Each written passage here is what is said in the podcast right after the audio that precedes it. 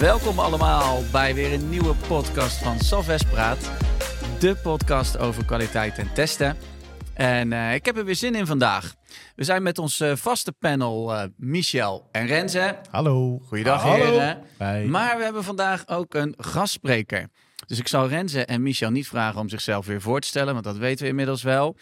Ze worden tegenwoordig ook al herkend op straat, heb ik begrepen. Ja, allemaal Zeker. DM's en zo. Ja.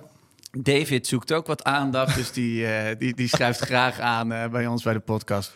David, zou je misschien even willen voorstellen? Jazeker. Uh, David Wellens, zes en half jaar nu al consultant bij Salves. En zoals jullie wel zullen horen, uit België. Hè? Uit België. Dus we maken meteen een podcast wat internationaal. Zeker. en ja, ik denk dat ik mezelf vooral bezig ga met CrossFit in mijn vrije tijd. Uh, en in ieder geval uh, ook als CrossFit coach. Kijk aan. Yes. Ja, je, dat, dat is je af te zien. Je ziet er fit uit, kerel. Oh, ja, dank dat u wel. hebben wij nooit gehoord. Dus. Nee, uh, we moeten denk ik maar eens een afspraak maken. Ja, altijd ik heb, welkom, ik heb altijd jullie ook nog nooit gehoord over CrossFit. Dat is ook zeker waar. Vind ik ook een moeilijk woord. Dus, zullen we anders gewoon gaan beginnen? Want dit wordt heel Ja, want dit is de, de podcast over testen en kwaliteit ja. natuurlijk. Een uh, toe wel een andere keer dan. De... Ja, precies. Maar goed, uh, een, een, een, gezond lichaam is ook een uh, gezonde mindset natuurlijk. Sowieso, toch? absoluut. Zeker. Tegeltjeswijsheid hier. Nou. Zeker. We hebben weer uh, wat collega's uh, gevraagd om wat stellingen in te brengen. We doen vandaag een korte podcast, dus er komt één stelling van een collega van ons, uh, Björn van Lienen. werkt inmiddels ook alweer een tijdje bij ons. Zit bij onze BV Midden. En nou, ik ga hem instarten en dan mogen jullie wat mij betreft los, heren. Ha, heren. Björn van Lienen hier. En ik was benieuwd naar jullie mening over de volgende stelling. Het is niet nodig om elke software-update volledig te testen. Nou, dat is een duidelijke, duidelijke stelling, denk ik. Ja, lijkt me logisch, toch? Ik bedoel, waarom zou je alles opnieuw testen? Het duurt toch allemaal veel te lang? Nou ja, dat ligt dus wel heel erg aan de update. Uh, hij is wel heel erg zwart-wit. Het is niet nodig om elke software-update volledig te testen. Ja, je zult eerst moeten uh, analyseren waar die update over gaat. Um, Kijk, het zal ook uh, afhankelijk van het type update. Je hebt soms, als je bijvoorbeeld een, een cloud-oplossing hebt van Microsoft, daar hebben we het de vorige keer ook al eens over gehad. Ja. Uh, daar heb je ook regelmatig updates vanuit Microsoft zelf.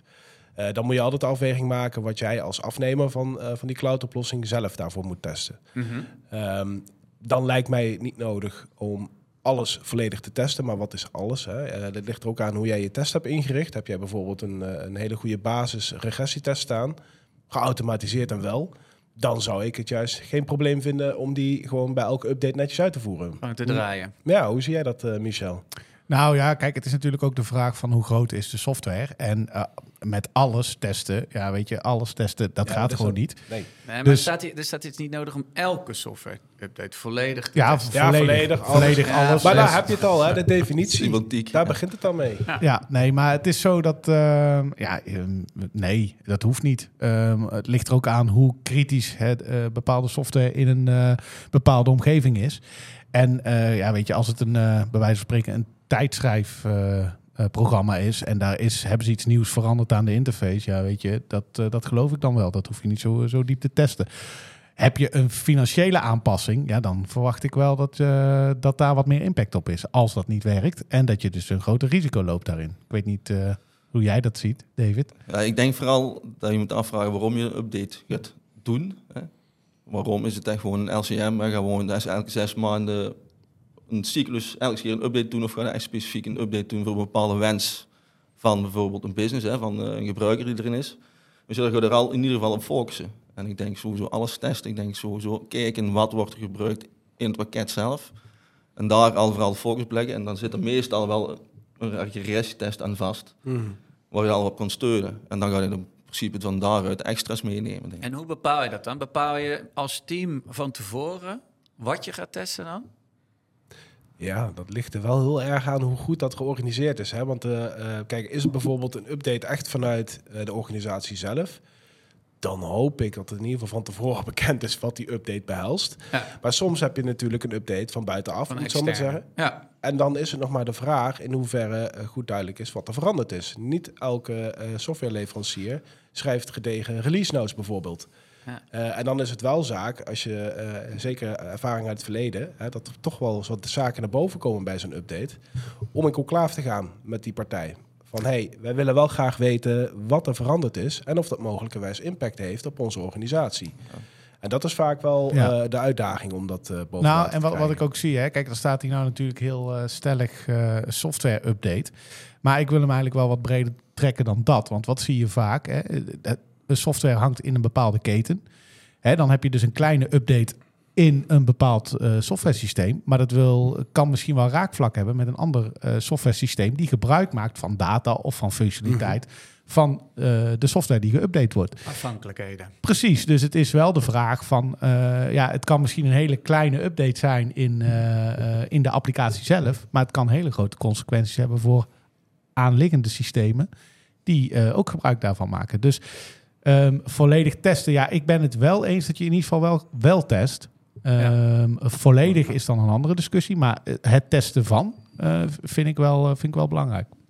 Ja, en in ieder geval, ik denk ook in de wereld waar we nu zitten, en in, in mijn ervaring ook een verschil tussen zelf een update kunnen uitvoeren, hè, die je eigenlijk on-prem on- op eigen beheer uitvoert, of je hebt dan in, in ieder geval ook als SaaS-diensten, Mhm. Ja. waar je in ieder geval gewoon niet zegt, oké, goed, dan in het update en die krijgen we voor kiezen en dan moeten we aan de slag. Dus dan, er zijn ook tot twee dingen die dan een verschillend spelen ook nog. Dus eh, ja. Zeker. Wat maakt dat het complexer, eh, het, het aanbod van SaaS-applicaties tegenwoordig? Hè, want je bent misschien in je organisatie zelf bezig met iets te bouwen, maar... je zit minder in controle. In ieder geval, ik vind meer, als je het over afhankelijkheden hebt, eh, Mhm. denk ik als je met SaaS-diensten werkt, en er nog, nog een extra één bij, omdat je minder controle hebt op jouw omgeving zelf. Eh, Ja. Ook al, stel als er iets mis is en je hebt een bugfix nodig, ja, in principe dan moeten we afhankelijk zijn van de SaaS-dienst eh, aan zich wanneer die, eh wanneer En die je ziet opgelost natuurlijk bij sommige producten wordt het, wordt het gewoon gepusht. Hè? Zeker bij de, de, de hot and happening applicaties. Ik bedoel, de- krijg je überhaupt wel door wanneer er een update is? Of wordt het gewoon doorgevoerd? Soms gebeurt dat. Soms gebeurt dat. Ja, dat is wel zo. Eh, dat zie je zelfs gewoon in onze alledaagse software, zo maar te zeggen. Een Facebook of een LinkedIn of wat dan ook.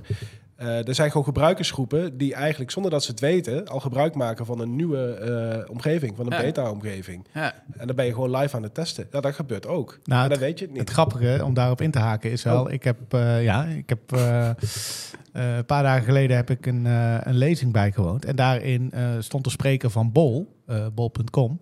En die zeggen dus ook gewoon, ja, wij testen live in de omgeving. Ja. Hè, die zetten dan voor bepaalde zaken zetten ze een schuifje om. Nou, dan heeft Renze, als hij op die pagina komt, heeft een hele andere functionaliteit dan ik. En dan testen ze eigenlijk of dat het, eh, of dat het, of dat het werkt of niet. Het zijn hele kleine aanpassingen in, eh, in de website. Maar daarmee eh, weten ze wel of dat iets goed aanslaat of niet. Ja. En dan rollen ze het gewoon, eh, ja, staat het eigenlijk al op productie. En dan zetten ze alleen maar met een schuifje aan en uit. Zetten ze, kijken ze hoe het, eh, hoe het werkt. En daar vind ik dat je ook de kracht van het test ook ziet. Eh, een test kan heel veel op zich testen, maar nog altijd de gebruiker aan zich, daar je heel veel informatie uit halen van hoe dat pro- product aan zich gebruikt wordt. ja, En op basis daarvan weet oké, goed, dit zijn de zaken waar we echt moeten gaan focussen. Ik bedoel, als er processen zijn die heel veel gebruikt worden, ja, daar lijkt dan in ieder geval de focus op als je een, so- een software upgrade gaat doen. ja, precies. Als er een procesje is waar één keer in de maand gebruikt wordt, en dat is in principe een beetje, ja, wow, als, als Ja. het werkt, jammer, maar het is, niet, eh, het is geen ramp. En goed, dan lijkt daar iets meer de nadruk op. Want we weten ook allemaal, testen komt altijd op het laatste. En net altijd met, eh, met de meeste druk erop ook nog. Ja, Dus je zult altijd wel eh, moeten kiezen op, eh, op eh, op ligt, denk ik. Ja, efficiënt testen. Dat, eh, Gezond boerenverstand. gezond boerenverstand. Ik heb hem al eerder gehoord. Top. Dankjewel heren. Dit eh, was hem weer voor vandaag. We zijn alweer door onze tijd heen. Maar eh, ik ga graag nog een keertje met jullie in gesprek. En eh, dat gaat snel gebeuren, denk ik ook. David, super bedankt voor je bijdrage. Je mag vast wel nog wel een keertje komen, denk ik. Daar gaan we het zo even over hebben. Ja, over de- inderdaad. even evalueren. Evalueren. Ja. De heren gaan eh evalueren. Ik hoor het wel. Maar wat mij betreft ben je er gewoon nog Hij een wil niet meer terugkomen. Dat kan ook. Ja. Dankjewel eh, mannen. En een eh, hele fijne dag vandaag. Eh, ik ga hem afsluiten met nog een keer de vraag. Mochten er stellingen of tips en tricks zijn van, eh, van andere mensen, dat mogen collega's zijn, maar dat mag eigenlijk iedereen zijn. Dan horen we dat graag. Stuur je vraag in of je stelling in of je tip in uh, naar podcast.salvest.nl. En uh, zelfs als je misschien een keertje wil aansluiten bij de podcast, kunnen we dat een keer overwegen. Maar dat moet ik uh, wel even vragen aan de vaste panelleden, want die zijn uh, soms een beetje streng. Uh, het is een zwaar proces hoor, om daar doorheen te ja, komen. Maar ja. goed, wie weet. Het is David gelukt. Het is David ook gelukt. Dus er zijn mogelijkheden. Dankjewel. Fijne dag vandaag. Yo, Yo, bye. bye. bye.